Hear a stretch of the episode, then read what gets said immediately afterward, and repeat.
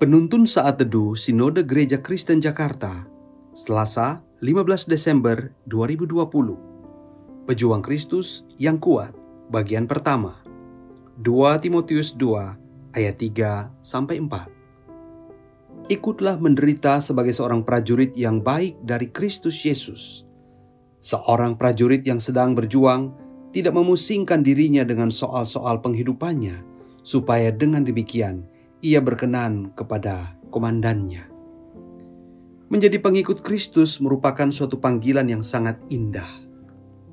Kita tidak hanya menjadi jemaatnya yang hadir di setiap ibadah hari Minggu saja, tetapi kita juga dipersiapkan untuk menjadi pejuang Kristus yang kuat.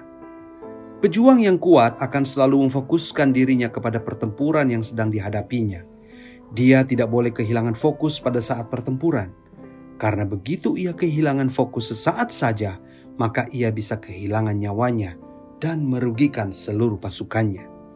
Saudaraku, demikian juga dengan kehidupan rohani kita.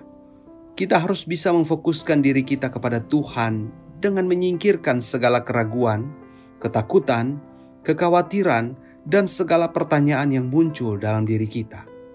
Tuhan kita adalah komandan yang tahu persis tujuan dari perintah yang diberikan kepada kita. Dia tidak akan menjerumuskan kita dengan perintah-perintah yang diberikannya kepada kita. Ketika kita fokus untuk melakukan segala perintahnya dan percaya kepadanya dengan segenap hati kita, maka kita akan dapat menyelesaikan misi yang Tuhan sedang berikan bagi kita.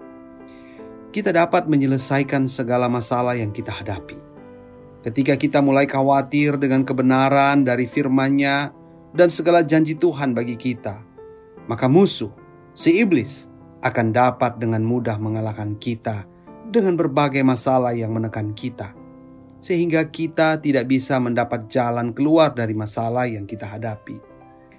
Hiduplah dalam kebenaran dan berkenan kepada Tuhan, maka kita akan menjadi prajurit yang baik di hadapannya Kesulitan akibat COVID-19 yang saat ini masih melanda hidup kita tidak boleh dipandang sebagai peristiwa yang membawa derita dan kerugian, tapi sebagai sebuah kesempatan untuk hidup memperkenankan hati Tuhan. Bila orang lain melihat kesulitan hidup saat ini sebagai sebuah kesempatan untuk protes dan menggerutuk pada Tuhan, kiranya kita memandang era pandemi ini sebagai sebuah ladang untuk mengajar dan menguatkan orang yang sedang tak berdaya dan hilang pengharapan. Maukah kita berjuang bersama Kristus? Seorang pejuang akan menciptakan kesempatan untuk berkenan pada komandannya, meski dalam keadaan yang tidak menguntungkan. Tuhan Yesus memberkati